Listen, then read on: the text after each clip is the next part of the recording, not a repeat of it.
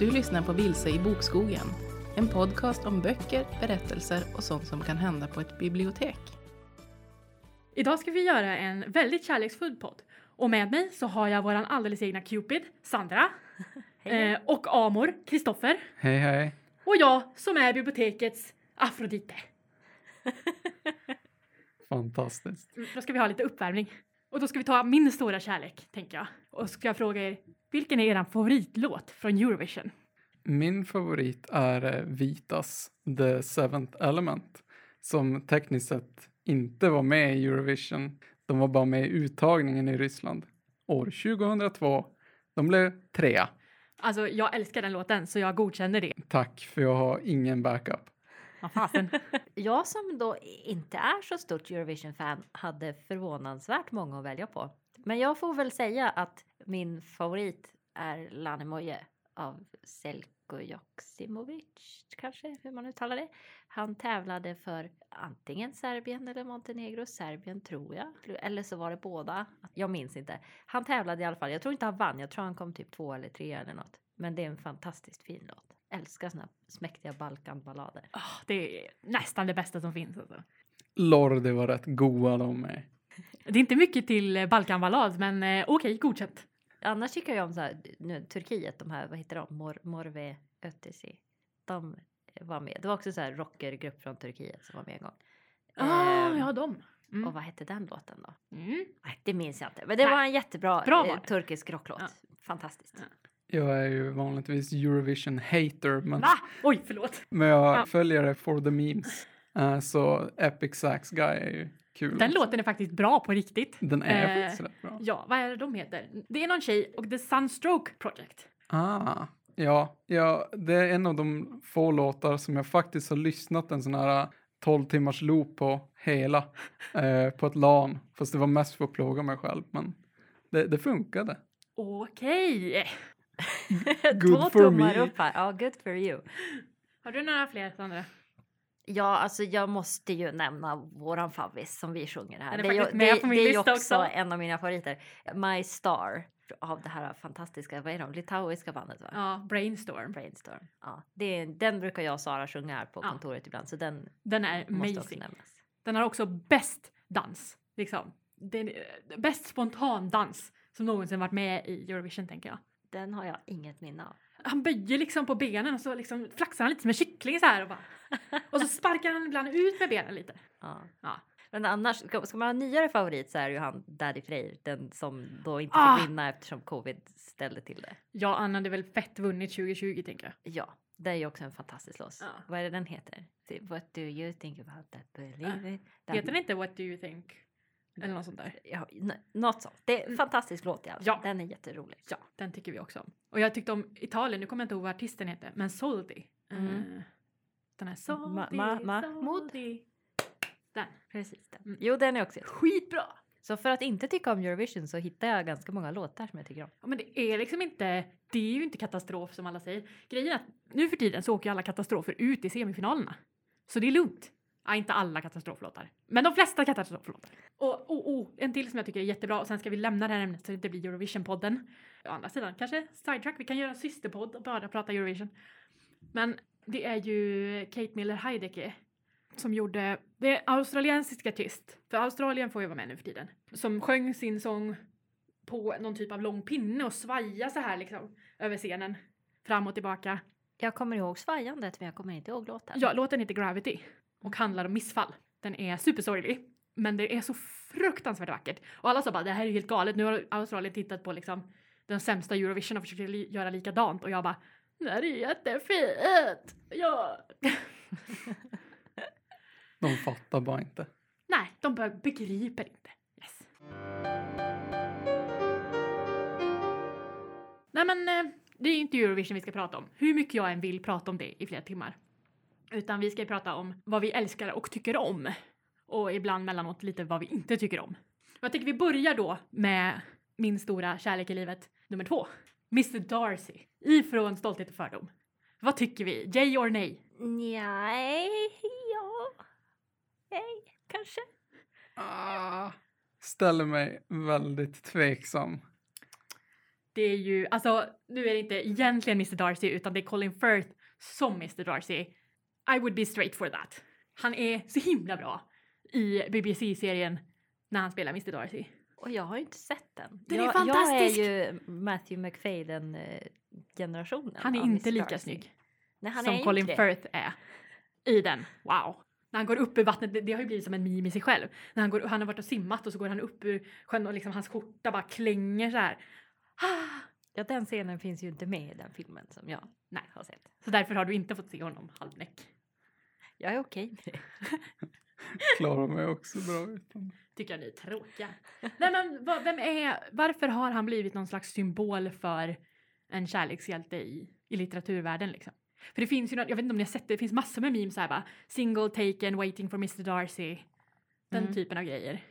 Men alltså det tror ju jag är för att han är ju någon typ så urtyp av tyst stark manlighet på något vis. Alltså det här att han, han eh, handlar i, i det fördolda. Han vill inte han, att hans goda handlingar ska synas och han är liksom så här tyst och ganska butter och så.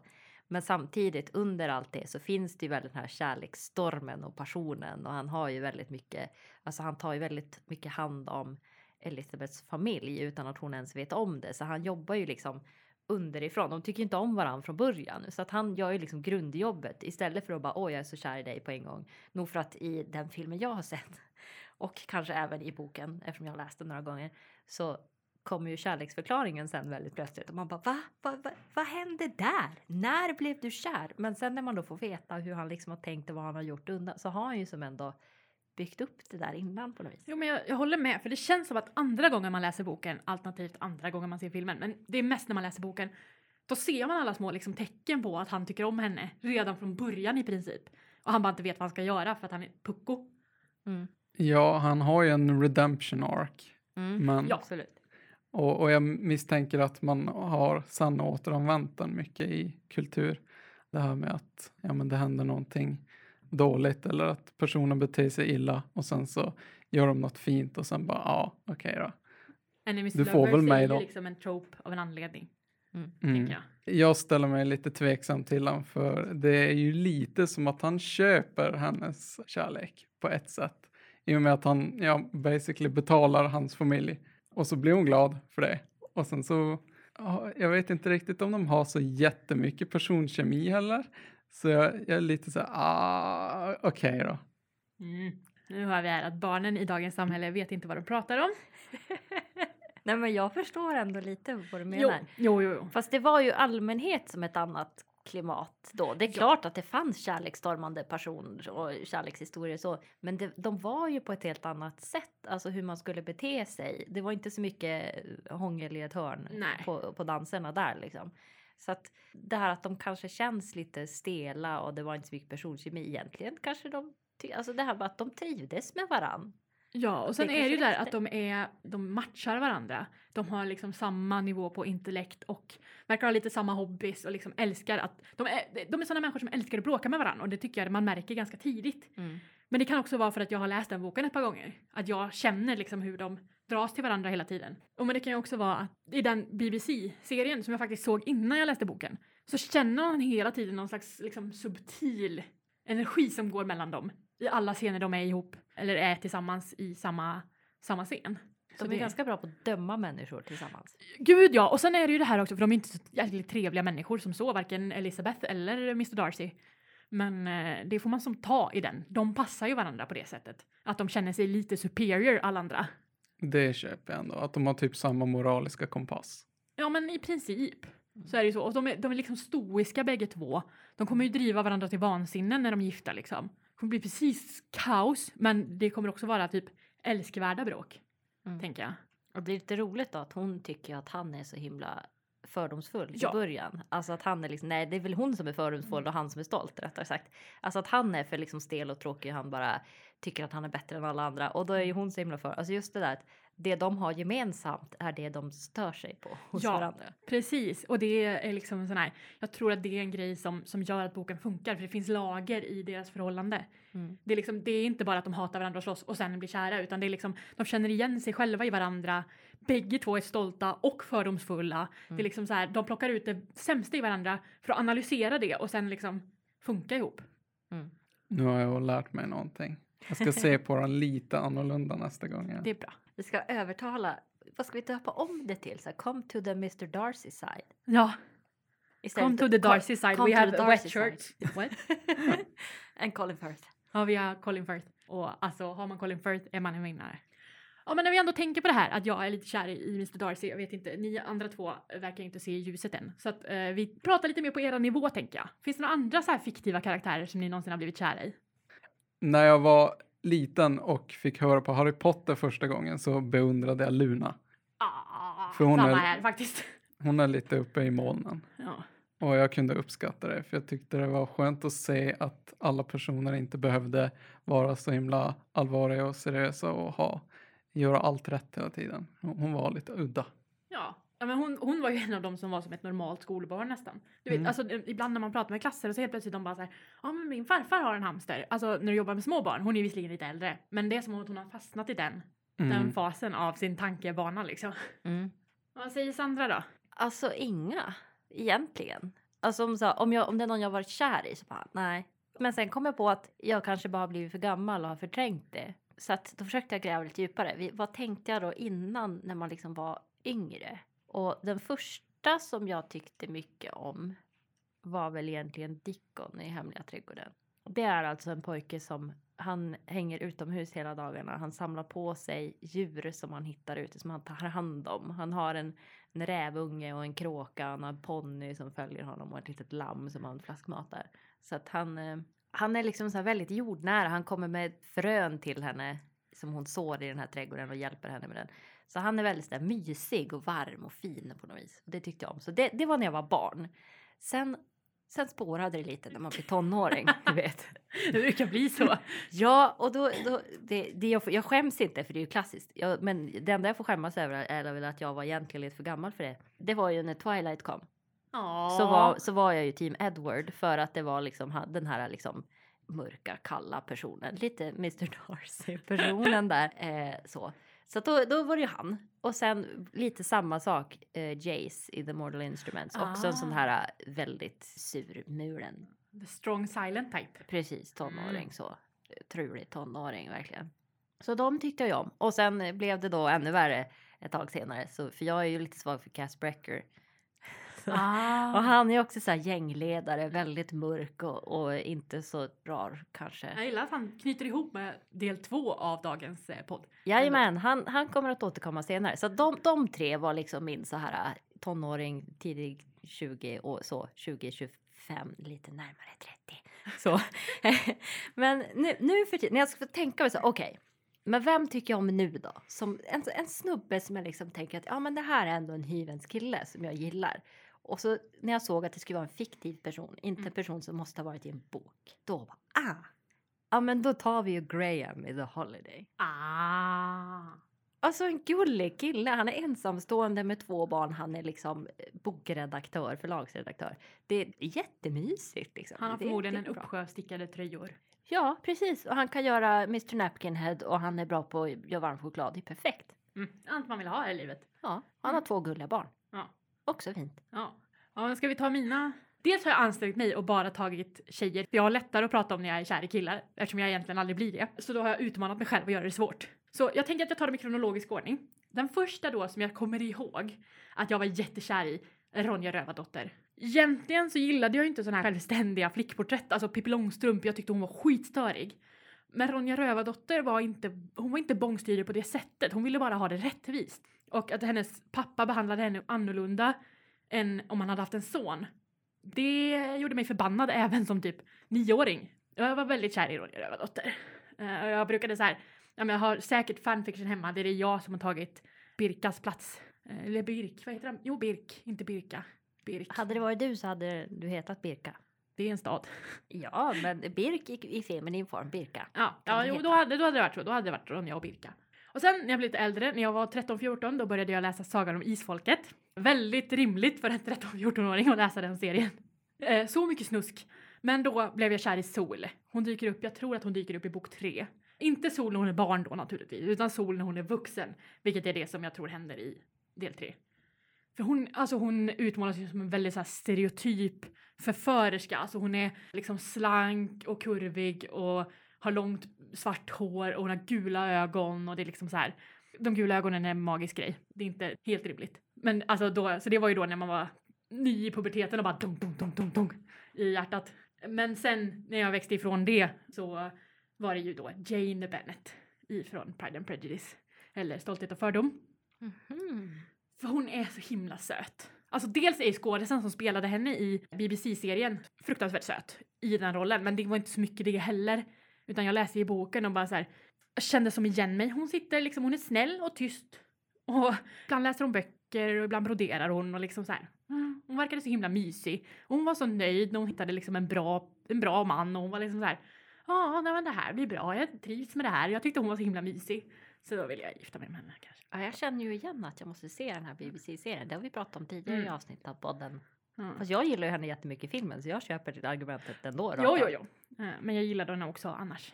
Eh, ibland kan jag tycka eventuellt att hon är lite, lite dum. Men eh, hon har andra kvaliteter. Man måste inte vara smartast på jorden jämt.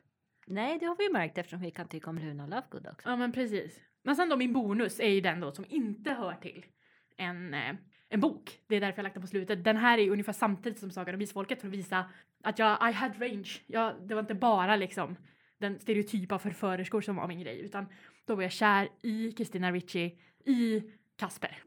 För vem var inte det? Vem var inte lite kär i Kasper vill väl jag tillägga. Jo, jo, jo, jo. The Straits får ju hålla på med sin grej. Precis, vi, har, vi får dela på det där. Det Ja. blir bra. Jag tror jag kanske är lite för ung för att relatera. Eh, ja, Ja, det här är mitten av 90-talet någon gång, så du var knappt född. Ja, vi har ju några år på Kristoffer här. Så. Mm, precis. Olika generationer. Mm. Nej, det låter hemskt. Så illa är det inte. Vi är väl millennials allihopa? ja, Ja, för du är Precis. precis. Mm. Du är bara en ung millennial och vi är typ pensionerade millennials. Ah, ja, det här är inte viktigt för podden. Utan nu, då, om ni får välja då, helst en av karaktärerna jag pratat om, men det är inte nödvändigt. Som ni vill gifta med mer. Jag har redan avslöjat att min är Jane Bennett. Vilka är era? Jag tror inte min är så svår att gissa heller. Eftersom jag sa att jag kommit fram till en- vem som är liksom en hyvens kille som jag kan tänka mig att dras med ett tag. att det blir Graham från The Holiday. Kristoffer? för mig blir det Kirke. Kirk. Ah! Madeleine Millers Kirke. Wow! Hon är så girlboss. Hon är Vilken joker! fantastisk! Och jag förstår 3000 procent. Jag älskar henne. Uh. Och alltså, om ni inte har läst den boken, det är verkligen en läsupplevelse. Man känner verkligen hennes lidanden och älskanden på Och, gud, och friheten på slutet när hon liksom äntligen Ja, Ah! ja, Alltså. den är Mm. omtumlande bra. Mm. Bra val. Tack. Jag kan inte uttala mig för jag har inte läst den. Kirke är väl en grekisk häxa eller något sånt där tror jag i mytologin. Precis, Ja. som blir förvisad till en ö Ja. efter att hon har gjort en eh, kar som hon var kär i till en gud. Det var inget bra. Men det var en jättedålig idé. Ja, så Zeus bara, nej, du får vara där på ajaja. Ja, precis. Och så blir hon fast där. Och sen bara... Så kommer det folk och så förtrollar hon män till grisar. Ja, ja, ja. Det, det, det är lite så här, mitten där är som ett träningsmontage. Det skulle kunna vara Rocky fast en coolare. Att hon typ bara börjar prova lite och, och tortera män. Men sen jävlar. Och sen så har hon en kärleksrelation med Odysseus, va? Jag tror att det är Odysseus och hans mamma. Ja, Jag tyckte hon skulle vara ihop med hans mamma. Inte med Odysseus. För de har bättre kemi. jag ville hålla med. Mm. Alltså det här låter helt galet. Det är helt galet för det är grekisk mytologi. Vad händer inte i den här boken? Lyckliga slut. Ja, 100% lyckliga slut händer inte. nej, Okej. de är lite fucked up, de här grekiska gudarna. Gud ja. Och det är väldigt mycket, ja men de är lyckliga nu kanske. Eventuellt. Minotauren händer till och med. Ja, det är klart. Det är inte Ja. en grekisk mytologi om det inte finns en minotaur. Ja, men nu har vi pratat om alla dessa fiktiva karaktärer och sånt där. Kanske vi ska prata lite mer om böckerna som de finns i. Vad är det som gör en bra kärlekshistoria i bok? Kärleken ska komma naturligt. Ah, Mm. Men inte för enkelt. Nej. För då är det tråkigt. Det får inte bara vara gulligt. Det måste finnas en problematik, det måste liksom finnas hinder. Och, men det måste finnas en karaktärsutveckling så att man blir investerad i de här människorna. Men om det liksom händer på en gång och bara åh nu är jag så kär. Och så bara jaha, för vars, vars kom det ifrån? Då har vi liksom inte hunnit investera oss i de här personerna. Då bryr vi oss inte riktigt om dem gör slut sen. Nej, jag håller, jag håller med. Alltså, det måste finnas någon typ av spänning i. Dels mellan liksom personerna och dels av situationen i största allmänhet. För att annars blir det väldigt bara tråkigt. Ja, det kan bli platt. Och det jag menar med naturligt är ju då att det inte blir en eftertanke i slutet. Att eh, hela filmen eller hela boken på något sätt binder samman de här karaktärerna. Och inte blir bara en stor nässla av intriger och sen bara mitt i slutet bara oj, ja, nu var vi kära. Det är ungefär som, som Ron och Hermione. Jag, jag är team, jag förstår inte. Jag tyckte man såg det ganska tidigt. Nej, alltså jag, först, jag bara, jaha, det var väl onödigt. Jag förstår inte alls varför de skulle vara tillsammans. Nej, det vet jag inte om jag förstår. Men jag såg att de var det betydligt tidigare än när de blev ihop. ja, kanske. De kanske har lite Mr Darcy och Elizabeth Bennet som Ja. gnabbas hela tiden. Fast bägge två är inte lika smarta i det här fallet. Eh, nej. Nej. Men jag tänker som, när jag tänker på bra kärlek, alltså dels tänker jag ju då på legit romance. Jag läser ju inte så mycket av de grejer som har kallats chickligt tidigare och som numera heter feelgood. Utan jag läser ju liksom renodlad romance mest. Och då finns det några tro, eh, så här, tråper som jag tycker är amazing. Och dels är det enemies to lovers, alltså från fiender till älskare. Det är en av mina favoriter. Det här är som topp tre, fast inte i ordning. Fake relationship, när de måste låtsas att de är ihop. PGA anledning. Särskilt när då det är historiska och de bara såhär, ja men vi gifter oss så slipper vi tänka på det här och sen blir de kära halvvägs igenom och gifter sig av liksom rätt anledning. Jag gör såhär dubbelfnuttar nu. Med mycket. Citationstecken. Va? Citationstecken. Nej, det är dubbelfnuttar. Har jag aldrig hört talas om Jag förr har idag. aldrig hört dubbelfnutt. Är det något från södra Sverige kanske? Jag tror att det kan vara från en podd, för jag lyssnar på hysteriskt mycket poddar. Och sen då, jag tror det är min absoluta favorittrop, är ost. Och det är alltså inte ost sagt på, på skånska, utan det är unresolved sexual tension. Alltså sexuell spänning som inte har blivit verklighet. Jag älskar sånt i kärleksböcker. När de bara går trånar efter varandra, men aldrig får till det. Det är, ja, det är en favorit. Mm. Jag har två av tre i här eftersom du sa att du ville ha boktips så här. Ja. kärlek. Så jag har två av tre i mina tips. Mm. Ja, ja, jag kanske ska ta mina tips också. Ja, men ni ser, Stolthet och fördom, Enemies to lovers. Sen har vi inte Fake relationship, för det här är en historisk roman om, om lesbiska kvinnor. Men vi har Unresolved sexual tension för en, en liten stund. Den heter The Lady's Guide to Celestial Mechanics och skriven av Olivia Waite. Den ena är betydligt äldre än den andra, inte jätte- jättemycket, men hon är äldre än den andra. Hon är änka. Den andra är liksom, hon vill bli forskare inom astronomi, men hon blir inte insläppt i liksom sällskapet för forskare inom astronomi. Hon är skitsur. Hon har gjort en massa uträkningar och grejer och hon översätter då astronomiböcker från franska till engelska, men de vill inte ge ut hennes versioner och sådär. Fast hon förstår formlerna och sånt bättre än vad de andra gör. Så de lever liksom ihop för att hon, hon hamnar hos den här änkan då, bor där ett tag och sen stuff happens. För den här änkan då, hon älskar ju hon vill göra vetenskapliga broderier. Hon broderar stjärntecken och blommor och jag vet inte allt vad det är. Typ saker, hon, hon gillar att brodera saker som betyder någonting. Men det har hon inte heller fått göra för, sin, för hennes man var extremt kvävande för hennes, men hennes kreativitet. Men de, de får ihop det sen, så man behöver inte oroa sig. Mm. Jag hade inte jättemånga tips, men får jag, får jag räkna Carmilla som ett så? Ah, den är bra. Vilka troper känner vi att den, den eh, passar in på? Vampyrtrop. Vampyrtrop, ja. Ja. En person, en vanlig levande människa som, Ja. som har blod i sina ådror och inte dricker blod Mm. blir stört förälskad av kanske magiska anledningar i, i en vampyr. Och, och sen så går det ut för. Det går Oftast. sådär. Den är också jättebra. Mm, mm, älskar den. Ja. Det måste vara, också vara en av de tidigaste, eller vad man ska säga, inte en av de tidigaste lesbiska romanerna, för det finns det garanterat äldre eh, historier om liksom lesbiska människor. Men den är så himla, den försöker som dölja det, fast den försöker dölja det i, i ett, i, liksom under ett nät. Ett Mm. nät med jättestora hål. Så att eh, den är inte jättebra på att dölja att den egentligen verkar handla om lesbisk kärlek. Älskar att, den är så specifikt Ja, ja, ja, ja, den Det, är så här, det, det är verkligen så här, om du är så inskränkt att du inte kan se det överhuvudtaget, då kanske du bara läser den som ett, ja men det är en kvinna som hotar en annan kvinna. Men om du överhuvudtaget vet om att homosexualitet existerar, då kan man ju inte missa det i den boken. Det går inte. Det är väldigt sant. Mm. Jag kan igen inte uttala mig för den, jag har inte heller läst. Det är en, en, det är en, om man vill läsa olyckliga kärlekshistorier. Jag har Eller ju mörka inte, inte kärlekshistorier. olyckliga kärlekshistorier, men det är väldigt mycket queer, queer-podden här Mm. med våra kärlekstips märker jag. För jag vill ju ta upp så här, med, vad gör en bra kärlekshistoria? Jag vill se problem och hinder och att det finns liksom lite utveckling och sådär. Det, det ska inte vara så enkelt. Det måste ju finnas, varför kan de inte vara tillsammans? Eller varför funkar det här inte? Att de måste kämpa lite för det. Så att det första är ju så här, enemies to lovers och det finns massor med problem. Det är ju rött, vitt och kungligt blått av Casey McQuiston. Det här är ju alltså i en annan typ av utopivärld där USAs presidents son och prinsen av England, de hatar varann. De tycker inte alls om varann. Men eh, för att det ska bli liksom bättre publicitet kring de här två så tvingar deras PR-team runt kungahuset och eh, presidentfamiljen att de måste vara kompisar. De ska gå på fest tillsammans, de ska synas ihop, de ska liksom låtsas att de gillar varandra. Och då börjar de ju förstås att gilla varandra.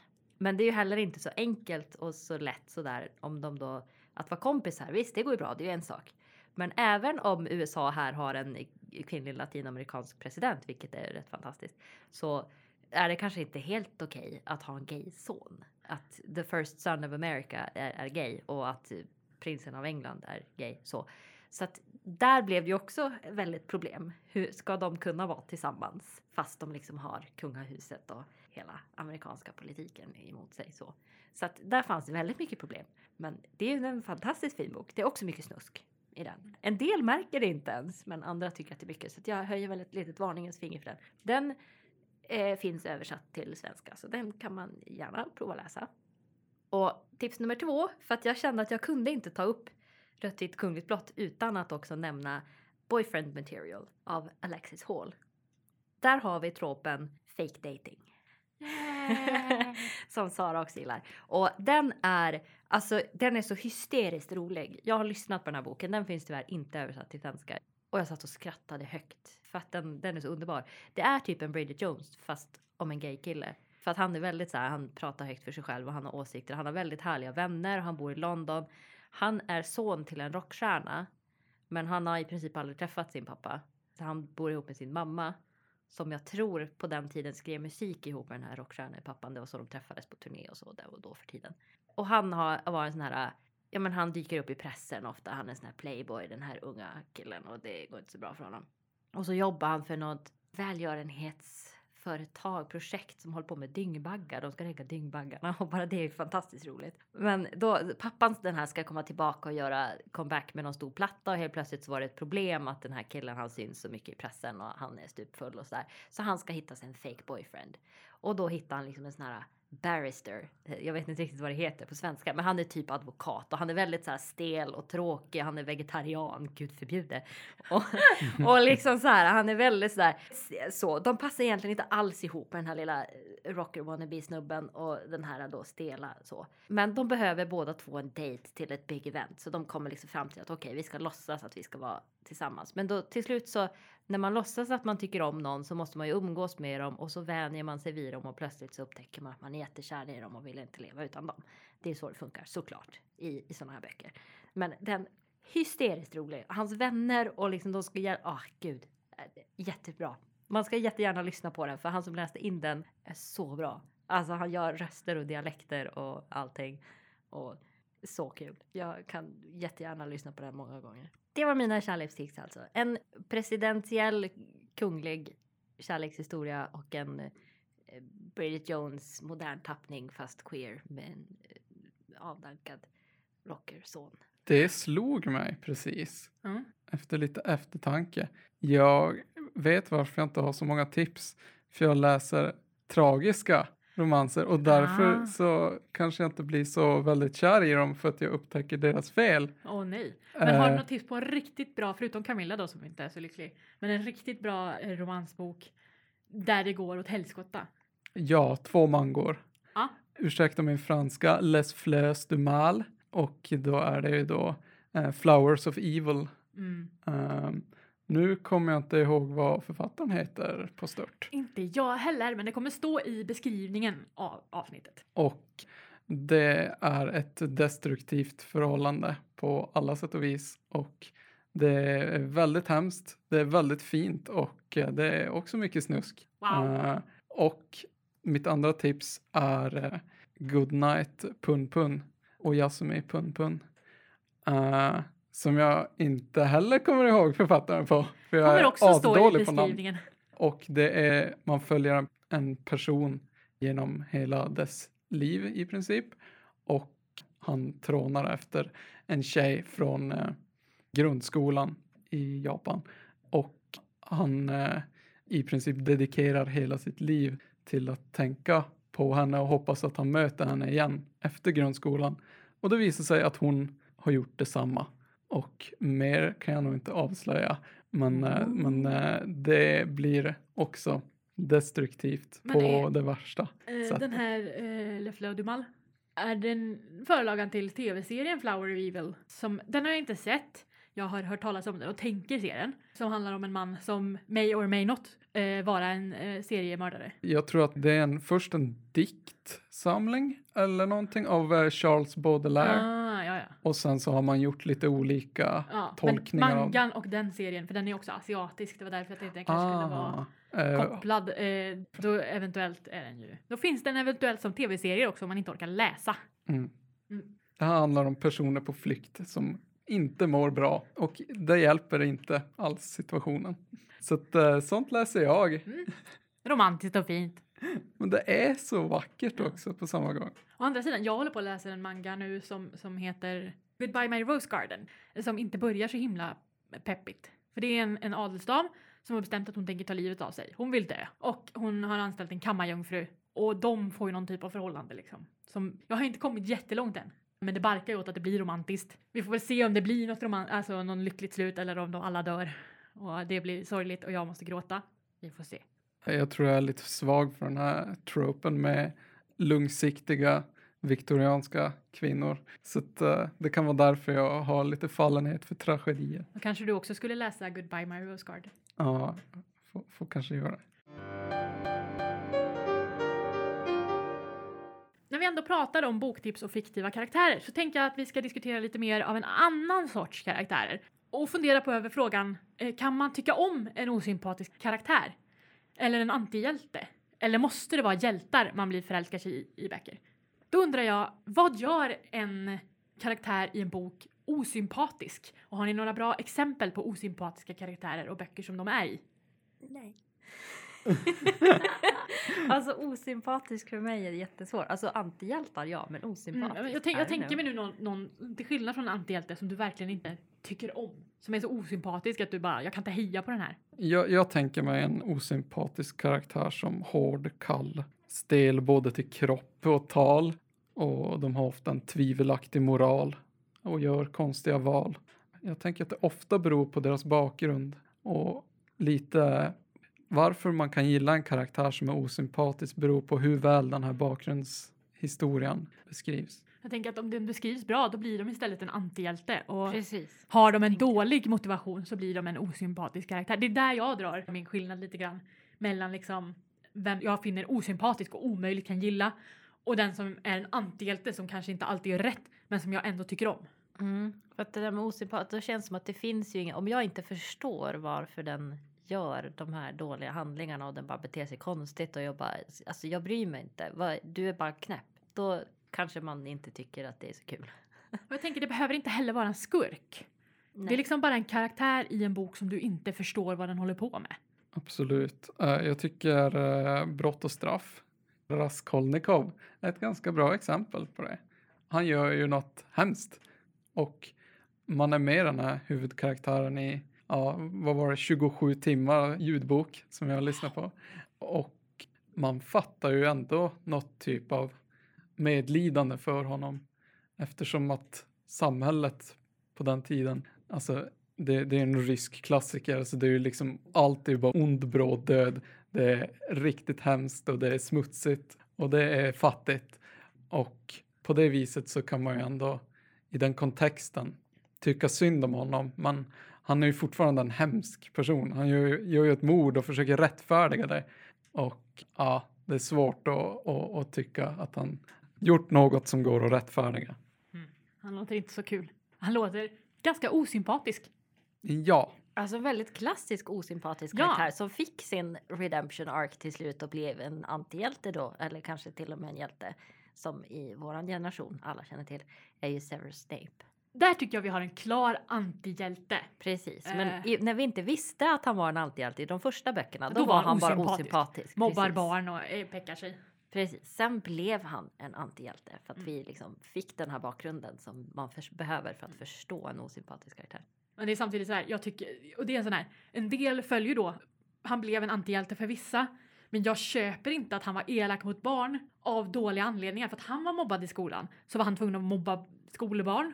Ja, Men det är sjukt liksom. Han har ju inte, han är inte vid sina sinnens fulla bruk. Så jag såg honom heller aldrig som en hjälte. Men han blev för evigt en, en osympatisk karaktär som gled över i antihjälte då. För att jag kunde liksom inte tycka om honom. Men han gjorde ju bra grejer och han ville väl. I concur. Mm. Skönt när vi är överens. Mm, faktiskt. Det känns som att vi hittar en bra referensram som spänner över våra årgångar. Det fanns två karaktärer jag direkt tänkte på av olika sorter då när jag tänkte osympatisk karaktär. Den första är Dorian Gray från Dorian Grays porträtt. Han är ju ganska, han är inte så där jätte, han är inte så självsäker i början av boken. Men när han blir varse om hur vacker han är och att han aldrig kommer att vara någonting annat än vacker, då blir han ett monster. Alltså han är ju fruktansvärd. Han gör sjuka saker för han inser liksom, att hans liv kommer bli så långt för hans kropp kommer aldrig någonsin och liksom gå igenom det här åldrandet. Och det är liksom, han, han blir ju hemsk helt enkelt. Från att ha varit en kanske lite fåfäng men inte helt eh, hemsk liksom ung man så blir han ett monster. Och det är ju lite osympatiskt kan jag tycka.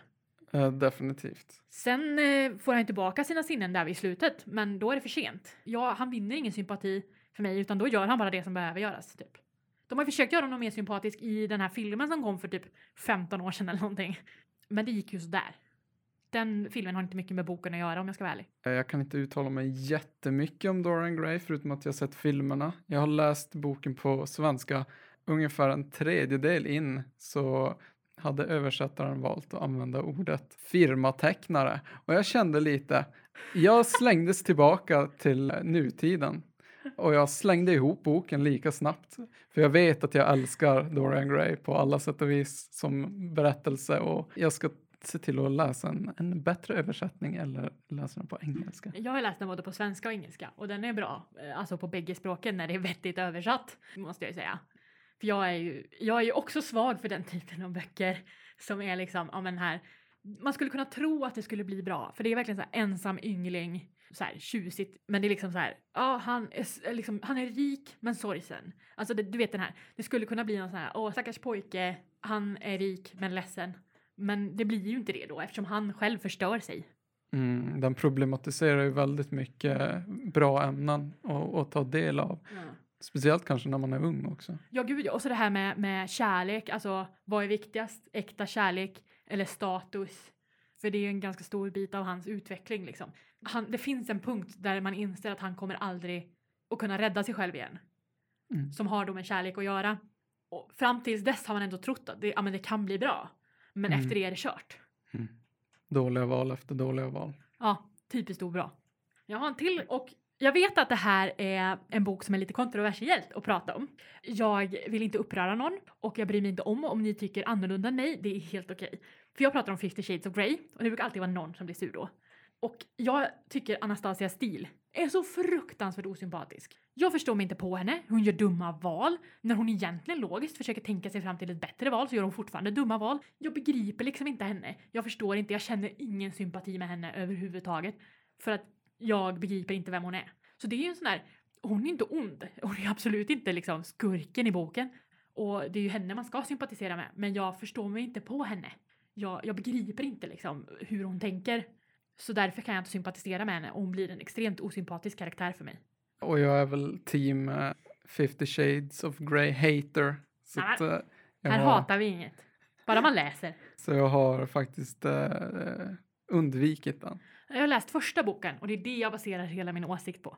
Jag slutade efter första boken för att jag, Jag har ju läst alla tre Mm. och jag har ju sett filmerna och allting. Och jag tänker mig ju, det är ju lite Det är lite Stockholmssyndrom.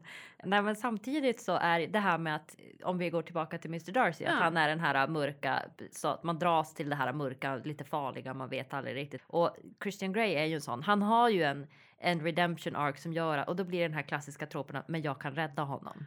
Det, det störde mig också att det Jag verkade, för jag som sagt läst första boken och i slutet av den så är det väldigt mycket jag kan rädda honom med min kärlek fast sen, sen händer det grejer som gör att det inte går åt det hållet. Men sen visste jag att det skulle gå åt det hållet efter det så då lät jag inte vidare. För jag är allergisk mot jag ska hela dig med, eller hela dig, ja, jag ska hela dig med min kärlek. Jag, det är en trop jag inte gillar. Håller med. Det är aldrig en annans persons ansvar egentligen, utan det ska ju komma inifrån Mm. själv. Det är ändå lite kul att du säger att det är Anastasia Steele som är din osympatiska karaktär. För för många är det ju Christian Grey som Mm, är den Men skulle jag prata om honom så skulle ni slänga ut mig genom fönstret. För det finns få bokkaraktärer som jag tycker så illa om som Christian Grey. Så jag undviker att liksom gräva ner mig i hur mycket hur osympatisk jag tycker han är. Men han har inte kommit undan. Det har han inte. Det är bara det att jag val, väljer att ta den snälla vägen och prata om Anastasia. Nej men det var mest för att jag ville... Christian Grey är osympatisk som i att för mig är han bokens skurk. Han är skurken i den berättelsen. Medan Anastasia Steele är hjälten. Men hon blir inte det för mig för att jag kan inte connecta. Det var väl mest det jag ville liksom visa på en annan typ av Mm. osympatisk karaktär. Att jag inte kan liksom förstå henne och inte kan sympatisera. Och det kan ju vara av många olika skäl. Alltså Ja, att en sån ja, ja, karaktär blir osympatisk. Dels kan det ju vara alltså att storyn. Jag, Mm. jag, jag köper inte de här argumenten. Sen Precis. kan det ju också vara bara att det är rent dåligt författarskap. Ja, Ibland. men Alltså man kan ju ta... du har inte lyckats beskriva karaktären på ett sätt som Mm. berör mig. Man kan ju ta till exempel en bok som jag tycker är en bra bok, en bra berättelse, men som jag inte kan sympatisera med och det förstör berättelsen för mig. Är Lisbeth och Samba, Sambakungen. Sambakungen är liksom Lisbeths, är det farmor tror jag? Men hon vägrar bli kallad för farmor så att hon heter Sambakungen. Och hon är ju en sån här vuxen som är ett barn och barnet är den ansvariga. Och jag klarar inte av det. Jag förstår inte hur en vuxen tänker när de är såhär bara, nej men barnet ska inte gå i skolan, jag tänker hålla det hemma, jag tänker gömma barnet. Eller liksom såhär, ja ah, nej men barnet trillade av cykeln. Jag tänker skratta åt henne. Alltså jag förstår inte som vuxen. Jag har så svårt att, och liksom, då blir det ju att jag klarar inte av, hon blir så osympatisk för mig att jag tycker synd om Lisbeth. Men jag kan ju se att boken är välskriven och det finns barn som älskar den. Eh, och vuxna också som älskar den. Men jag personligen kan inte sympatisera med en vuxen som beter sig som en tvååring. Mm. Det finns ett jättebra sånt exempel i en bilderbokserie också. Den första heter Utslängd från zoo och den andra heter Ett superduper fantastiskt campingäventyr. Och då är det i Utslängd från zoo, då är det moster Meg som kommer och ska ta hand om sin systerdotter.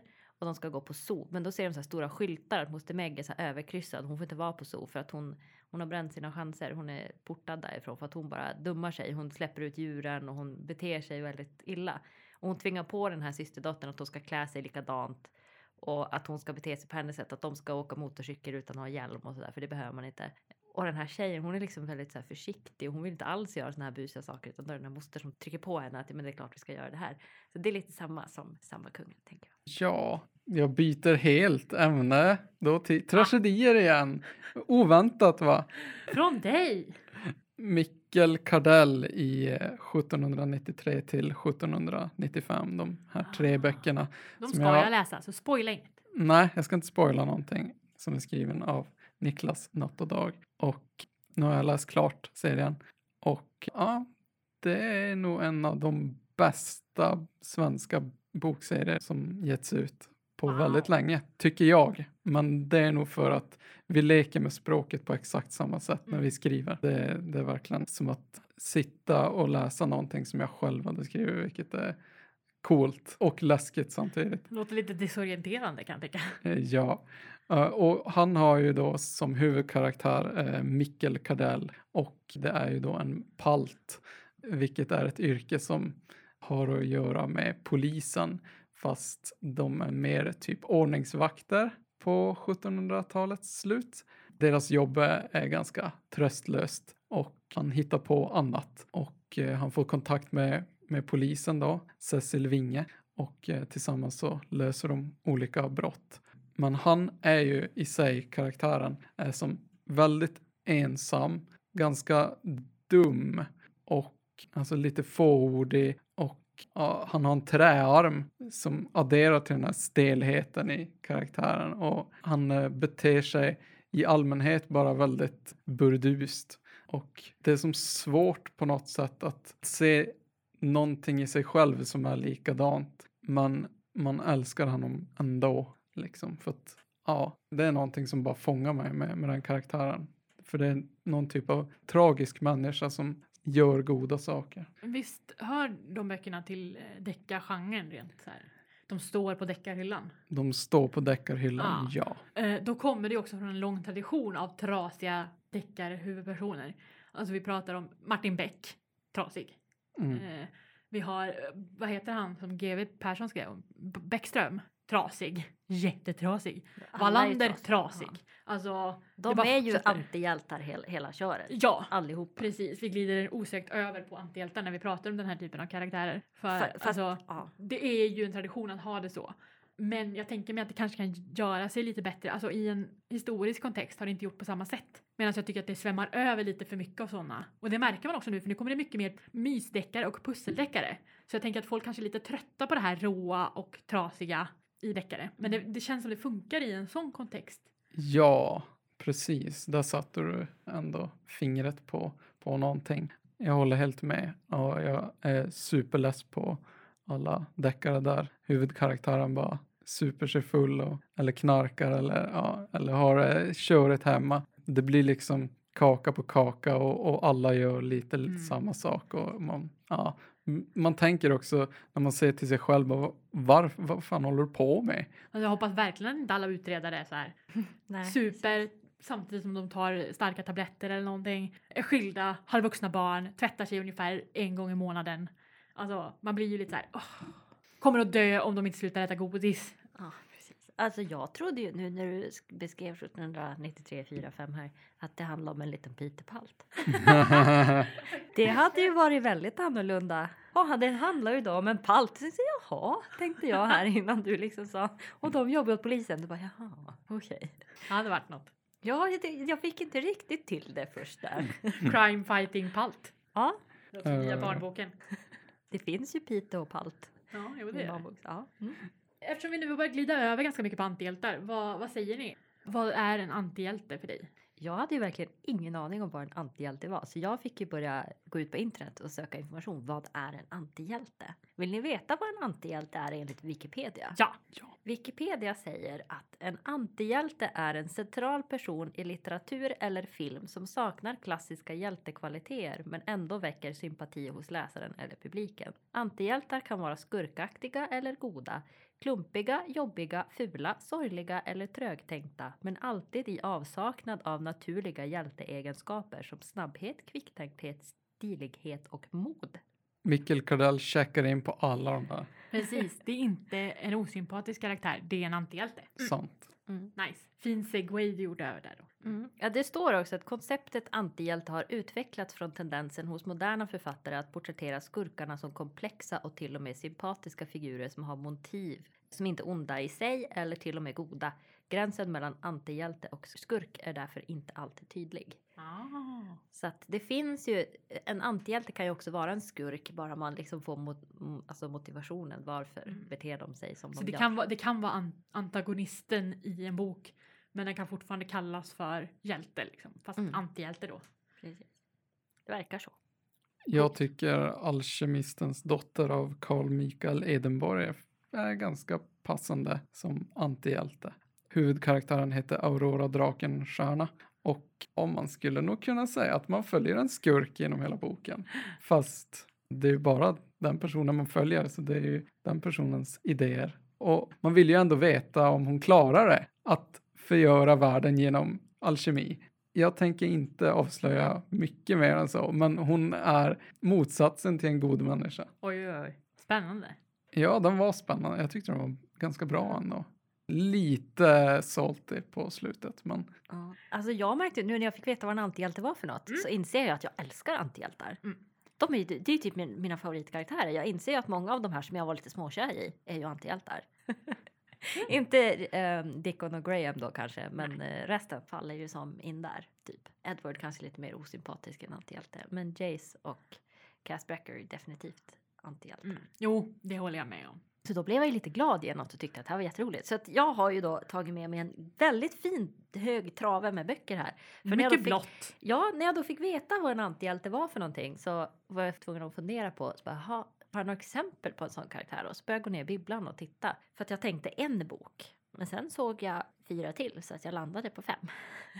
fem böcker. Och den första som jag tänkte på det var faktiskt den här klassiska där det här det är en bok som handlar om skurkar. Det är skurkarna som är huvudpersonerna. Men just för att den handlar om dem, man får deras bakgrundshistoria, man får hela liksom, karaktärsutvecklingen, varför de blev som de blev, så blir de ju en typ av antihjältar. Mm. Så att det, det är en bok som heter Vicious av V.E. Schwab. Och den handlar om Victor och Eli. Då, när de gick på universitetet, college ihop så var de så här briljanta. De var liksom forskarstudenter och de hade kommit fram till att under särskilda förhållanden med nära döden upplevelser och i väldigt tragiska och extrema förhållanden under sina nära döden upplevelser. Om man dog och kom tillbaka från det döda så skulle man kunna få superkrafter. Okej. Så att de provar ju det här. Det var en jättebra idé. Vi, ba, ja, vi tar död på mig. Bara du är där och liksom väcker upp mig igen sen. Att liksom ge mig hjärt och lungräddning så att jag kommer tillbaka. Och att de litar liksom på varandra så. Så att de då ska få superkrafter. Men så tio år senare så den ena har hamnat i fängelse för han fick lite storhetsvansinne, gick inte så bra. Han är ju en antagonist. När han då kommer ut från fängelset så är han då på jakt efter, det är Victor som har suttit i fängelse, och kommer han ut då är han på jakt efter Eli som har insett att ja men det här var inte så bra det här med superkrafterna för då är det fler personer som har råkat få sådana superkrafter att de har dött liksom under ett blixtnedslag eller någonting så kanske de får eh, så här att de kan slå blixtar från fingrarna eller någonting som krafter. Att då börjar han jaga de här andra människorna och ta död på dem. Mm. Medan Mm. Victor liksom hellre kanske vill samla på sig de här personerna. As you do. Så att de, men man vet inte riktigt av vem av de här är den goda. eller- För Victor vill ju rädda de andra människorna som har så här medan Eli vill ta död på dem för att de gör massa dåliga saker. Vem är det som är god och vem är det som är ond då? Så att, ja, det var liksom första gången jag läste en historia som i princip bara handlade om om de här väldigt anti, antagonistiska antihjältarna på något vis. Och det är väldigt så här Sin City-känsla, det är mörkt och kallt och så över det hela. Mm. Det var en fantastisk läsupplevelse. Så det var den första jag tänkte på. Det var den jag gick ner för att Ja. hämta. Och så hittade jag många till. Bara antagonister, inga protagonister. Nej, Ja, alla antagonisterna är protagonister. Snurrigt. Snurrigt. Har vi lärt oss någonting idag? Att Ja. antihjältar är snurriga, men att vi gillar det. Ja. Ja, jag tycker ju jättemycket om antihjältar. Mm. Märkte jag ju Ja. när jag började titta i dem där. Dina övriga tips. Ska jag ta allihopa? Jag känner inte någon annan som har någonting att säga. för Jo, men det- jag har massor att säga också, men, men du kan dra dina i en snabb ordning. Snabb! Ja. jag vet väl inte hur man är snabb. Okej, nästa. Det här hittar vi alltså. Jag hittar en och som Sara sen har en väldigt fin segway in på sig. Mhm. Så att då kan jag prata om eh, The Gentleman's Guide to Vice and Virtue av Mackenzie Lee. Finns tyvärr inte heller på svenska, vilket är en sorg för det är en fantastisk bokserie. Och den är nästan så att jag vill läsa upp vad det står att boken handlar om för det är så en himla fin beskrivning. Och nu, så att nu, nu blir det engelska här. Ja. Det står så här. Henry Monty Montague was born and bred to be a gentleman, but he was never one to be tamed.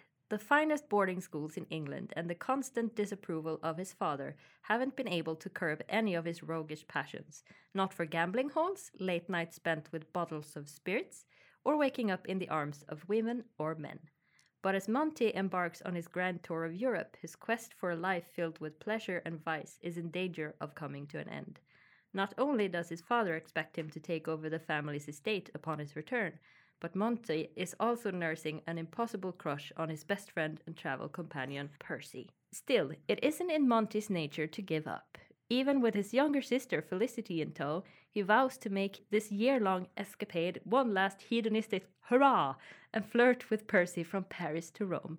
But when one of Monty's reckless decisions turns their trip abroad into a harrowing manhunt that spans across Europe, it calls into question everything he knows, including his relationship with the boy he adores. Så att, det- alltså det, det är ju det är en roadtrip-bok, Ja. fast på 1700-talet. Ja. Och, och han är ju en sån här uh, rich boy. Ah, som gud, han han har störig. allt och han är så störig och han är liksom så Ah. osympatisk i början. Ah. Han är bara asjobbig. Men så händer det en massa grejer och så är han ju kär och det är så fint. Och det Mm. finns ju såklart lite hinder och de kan inte vara tillsammans och sådär. Så att han blir ju en antihjälte. Ja, det är ju både en roadtrip och en sån här, vad det som kallas för coming of age, alltså en uppväxthistoria liksom. Mm. För under då den här roadtrippen de gör på havet, havtrippen, sea trip, ah, ja. så eh, måste han ju också lära sig att funka ihop med andra människor. Mm. Han kan inte domdera allting utan han måste lära sig att funka i team. Mm. Vilket eventuellt kan hjälpa honom i sin kärleksonda, men eh, man vet ju aldrig. Han, får, han har ju väldigt mycket redemption arc på så vis att han, han plockas ner på jorden. Ja, Verkligen. han blir en normal människa. Mm. Mm. Eller ja, det- han det- är alltid lite rich kid. Ja, men han blir en ja. bättre rich kid. Precis, bättre rich kid. Så att den var en sån där som jag bara, ja just det, han är ju en sån. Ja. När jag kände det där, att de, har, att de får ha en utveckling. Mm. Att de börjar som någonting så bara, ah, nej men just det. Man kanske inte kände att man hade så mycket gemensamt med dem, men sen visar han ändå på mänskliga drag. Bara, Okej, jag gillar den här killen. Jag då tog ju med mig den andra boken under nästa kategori hjältar. Och det är A Lady's Guide to Petticoats and Piracy. Som också då är skriven av Mackenzie Lee. Som handlar då om hans lilla syster Felicity. Och hon, hon är en klurig hjälte. Jag var lite tveksam att jag skulle sätta henne här nu. Men, för hon är ju inte alltid snäll. Men hon är extremt rättvis. Hon är extremt rättfärdig och rättrådig och hon är smart och hon liksom... Och när hon då måste kämpa då gör hon det med allt hon har. Det är ju också en sån här, hon träffar en tjej som rymmer från sitt eget bröllop, en tjej som hon kände förr men aldrig riktigt har kommit överens med. Men som hon nu liksom bara våldgästar bröllopet och sen så smiter de eh, ihop för bruden rymmer och det är helt, det är kaos. Så hon och den då tilltänkta bruden som absolut inte tänker gifta sig, de flyr ju iväg och håller på med, för det handlar då om hennes arv. Make, eller ja, den tilltänkta makens jakt på att få tag på hennes arv och såna här grejer. Så mm, de ger sig iväg och bägge två gillar vetenskap fast på olika sätt. Och Felicity måste också lära sig att funka ihop med människor. För till skillnad från Monty så är hon ju inte flamboyant på det sättet. Hon sprider inte sina pengar omkring sig, hon skryter inte om det.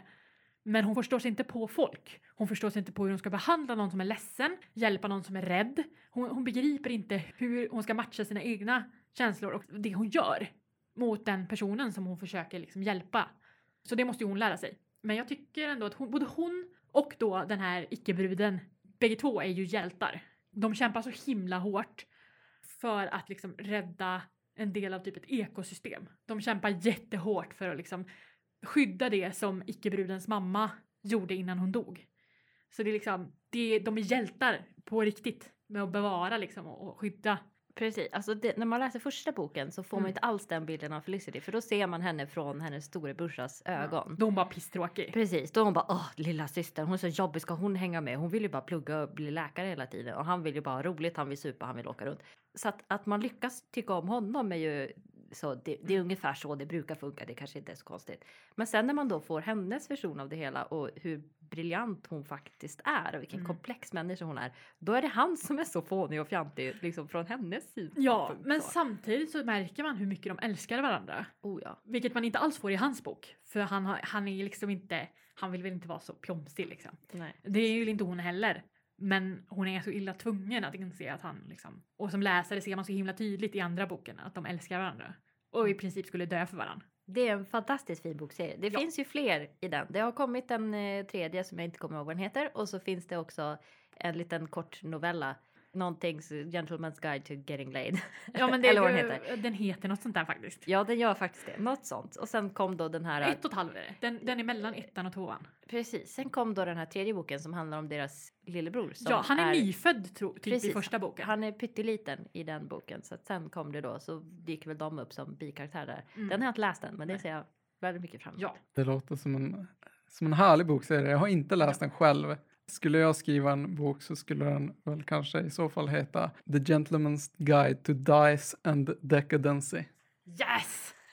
I love it. Jag sponsrar, eller det gör jag inte för jag har inga pengar men vi, vi skickar pepp. vi skickar pepp. Jag lovar att jag ska köpa boken om jag får den signerad.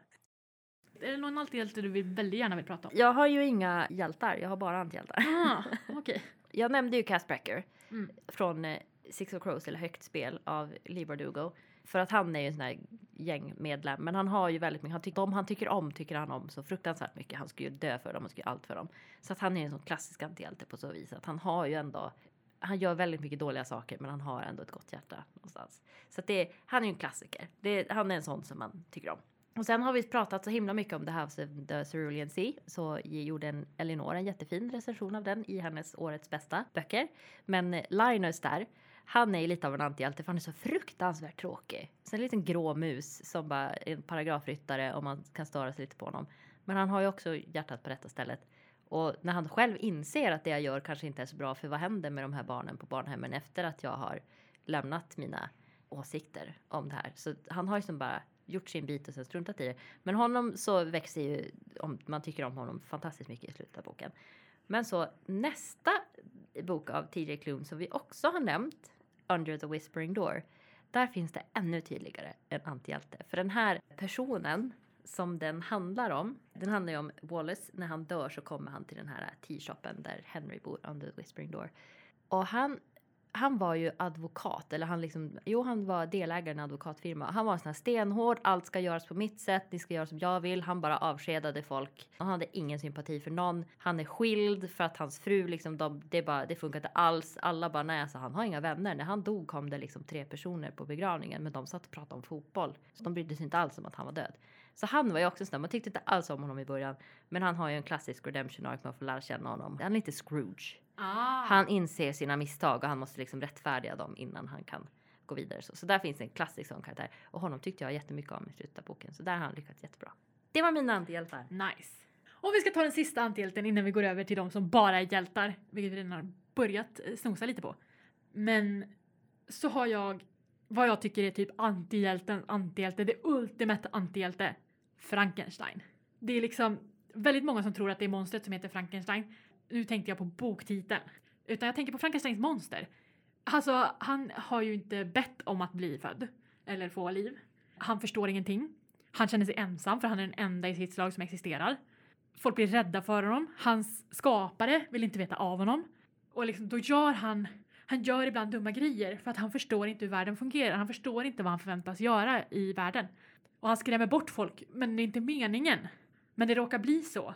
För han försöker då, till exempel då, så jobbar han på att försöka hjälpa en familj som bor mitt i ingenstans, som inte har det så bra. Han försöker hjälpa dem och liksom klara vardagen och, och göra saker för dem. Men då, så fort de upptäcker att han existerar, då flyttar de. Alltså, han är väldigt så, han försöker vara en hjälte, men det går inte för att omvärlden ser honom inte som en hjälte. Och när han försöker göra snälla saker så går det inte alltid så bra. Så då tycker jag att han är min ultimata antihjälte. Han, det, jag, jag har inte läst den och jag har inte sett, men jag känner så här, åh, Edward Scissorhands. Ja, men det är lite, för Edward Scissorhands är typ samma, alltså det är en, en konstruktion. Det, precis, det känns ju får som att liv. han är baserad på det på något Mm. vis så. Eh, att det är lite det där, ja, men alltså han ser monstruös ut, alltså är han Mm. läskig, men egentligen han förstår inte riktigt bättre. Nej men precis, Så, och egentligen är ja. han bara snäll.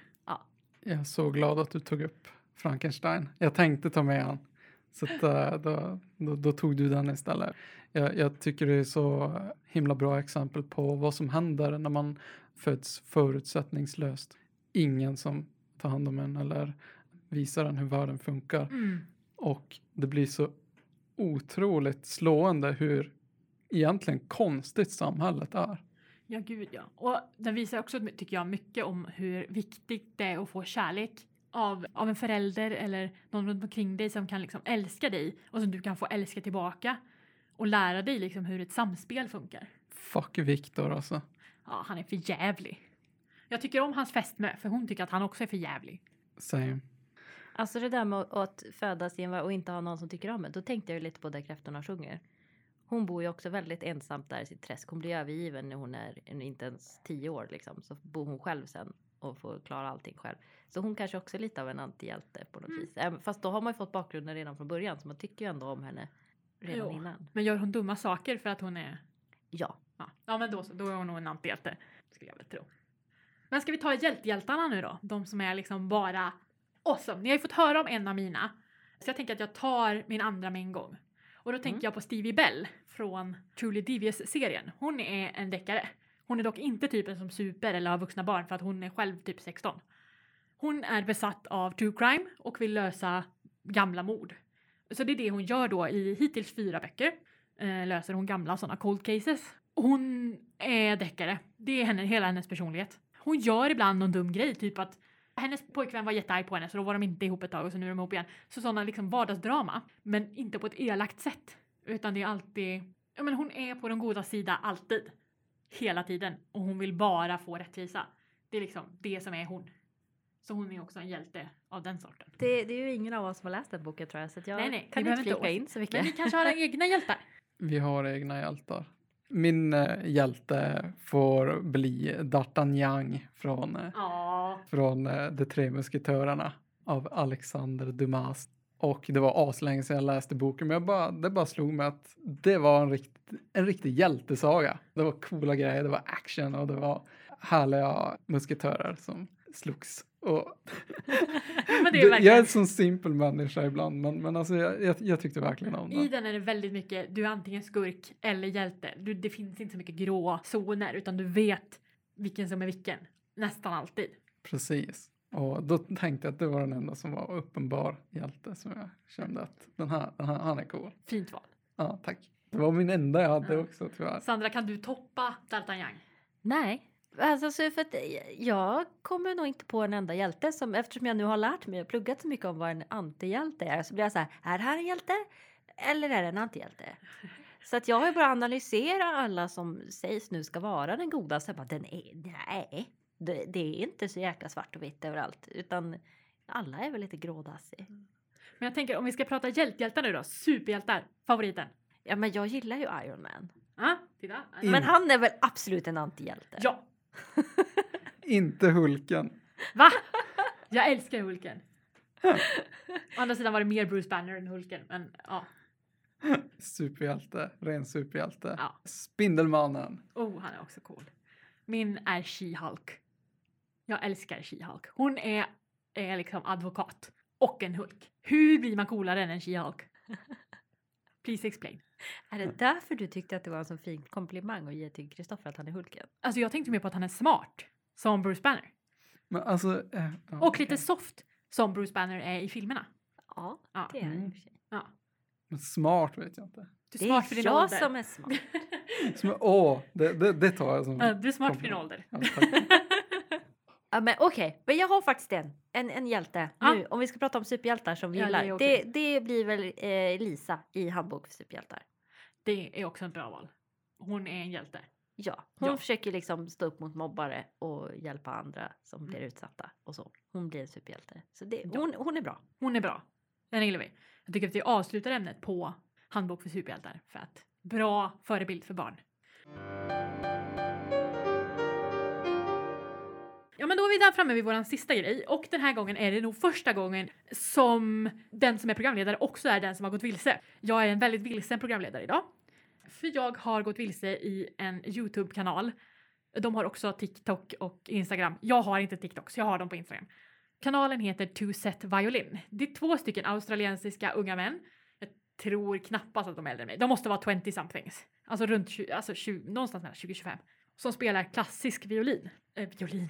De spelar klassisk fiol. Och jag har sett 3000 av deras videos den senaste veckan tror jag. Dels så reagerar de på typ så här, ja men klassisk musik fails. Man får inte skratta. Alltså verkligen så här. De gör samma saker som andra youtubers fast klassiskt. Eh, och de, ibland tittar de på typ så här, ja hur, hur tas klassisk musik emot i stora shower som till exempel Got Talent eller sådana här andra, den typen av shower där man får liksom talangjakter. Hur reagerar publiken och, och domarna på när det kommer en klassisk musiker jämfört med när det kommer en annan typ av musiker. Liksom. Pratar mycket sånt. De, eh, de är också lite tokiga, alltså de hittar ju på massa konstiga grejer eh, med. De spelar spel och bjuder in andra youtubers som inte sysslar med klassisk musik. Men ja, så jag har helt fastnat i detta. Och jag har nog aldrig lyssnat så mycket på Paganini i hela mitt liv som jag gjort den senaste veckan. Jag har alltid älskat Mozart. Men eh, jag kände att min värld blev liksom enorm helt plötsligt. För då pratar de liksom, då, ibland så lyssnar de på moderna låtar och analyserar vilken klassisk låt den är baserad på, om det är en låt som då har klassisk koppling, eller som de har samplat ifrån eller sådär. Och det är väldigt intressant att höra liksom vilka delar av en låt som samplas in i andra och hur de fortfarande finns. Även om det ändå är en liksom så här att det finns en fördom hos en del att klassiskt är tråkigt. Eh, vilket är intressant. Eh, och jag har också fått lära mig att jag var en basic B-word för att jag hade Pachelbels kanon som min ingångslåt när jag gifte mig. Det är tydligen det absolut vanligaste och alla klassiska musiker är less på den. Så hoppsan.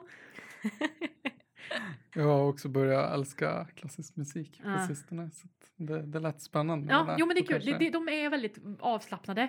helt vanliga killar liksom som också gillar klassisk musik. Ibland är de lite snobbiga kan jag tycka. Men då skiter jag i vad de säger. Eh, Jag lyssnar på de bra grejerna de säger. Ibland, de har också några fantastiska videos där de har låtit fansen då som tittar komponera låtar som de då spelar upp på sina fioler utan att ha tittat på dem förut. Det är första gången de ser dem så de, de läser ju noter medan de spelar. Det, oftast blir det fantastiskt och ibland lite knas. Eh, för att många, visar sig att många av deras fans är också klassiska musiker och kompositörer. Så det är liksom inte så här, det blir inte plojlåtar. Utan det kan vara, är det en, en låt som är lite ploj, då är den fortfarande väldigt bra skriven i en klassisk stil. Men alluderar till memes och sånt som de har hållit på med. Eller saker de säger. Och sådär. Så att det är, ja, det är de absolut bästa videorna. Och det är de jag tycker att en, en ny ska titta på. För att de är roliga också. Det låter supernördigt och härligt. Ja, jag älskar, jag har alltid älskat klassisk musik. Så, men jag har varit borta från det ett tag. Men nu känner jag att jag är tillbaka igen. Vad sa du att det hette, deras konto? Two set violin. Får vi kolla Mm. upp det? Kanske vi går vilse allihopa här, då blir det Ja, det inga fler poddavsnitt. I alla fall inte monster. Nästa gång kommer vi tillbaka och sjunger opera. Nu sysslar de inte jättemycket med det för de är typ, de kan inte sjunga. Man måste inte vara bra på allt. De är jätteduktiga på fiol. Kan ju någon annan få sjunga? Någon, de har med ibland andra klassiska musiker också. De har en annan violinist som är jätteduktig. De har haft med en, någon tjej som har spelat harpa och operasångerska. Och ibland så dyker det upp lite så andra unga klassiska musiker. Vilket också är kul att det inte bara är, jag tycker att det är en bra, det är kul att se unga människor uppskatta klassisk musik. Eh, på det sättet som de gör. De är så himla nördiga. Och någon gång så har de gjort någon sån här quiz liksom, ja men på poplåtar. Så här, vem är den här artisten som sjunger? Vad heter den här låten? Eh, och de kan ju typ ingenting. Eller den ena av dem eh, kan lite mer än den andra. Men eh, inte mycket. Ja, Ja men då så. Då var det klart för idag. Jag är eventuellt inte med nästa gång. Så eh, försök hålla ihop. Jag vet att det är jättejobbigt. Vi får se när jag kommer tillbaks. Ni blir inte av med mig så länge, det lovar jag. Nästa gång så ska vi prata om faktaböcker. För det finns mycket att säga om det också. Eh, och då hoppas jag att ni hänger med. Så ses vi nästa gång. Bye bye! Hej då!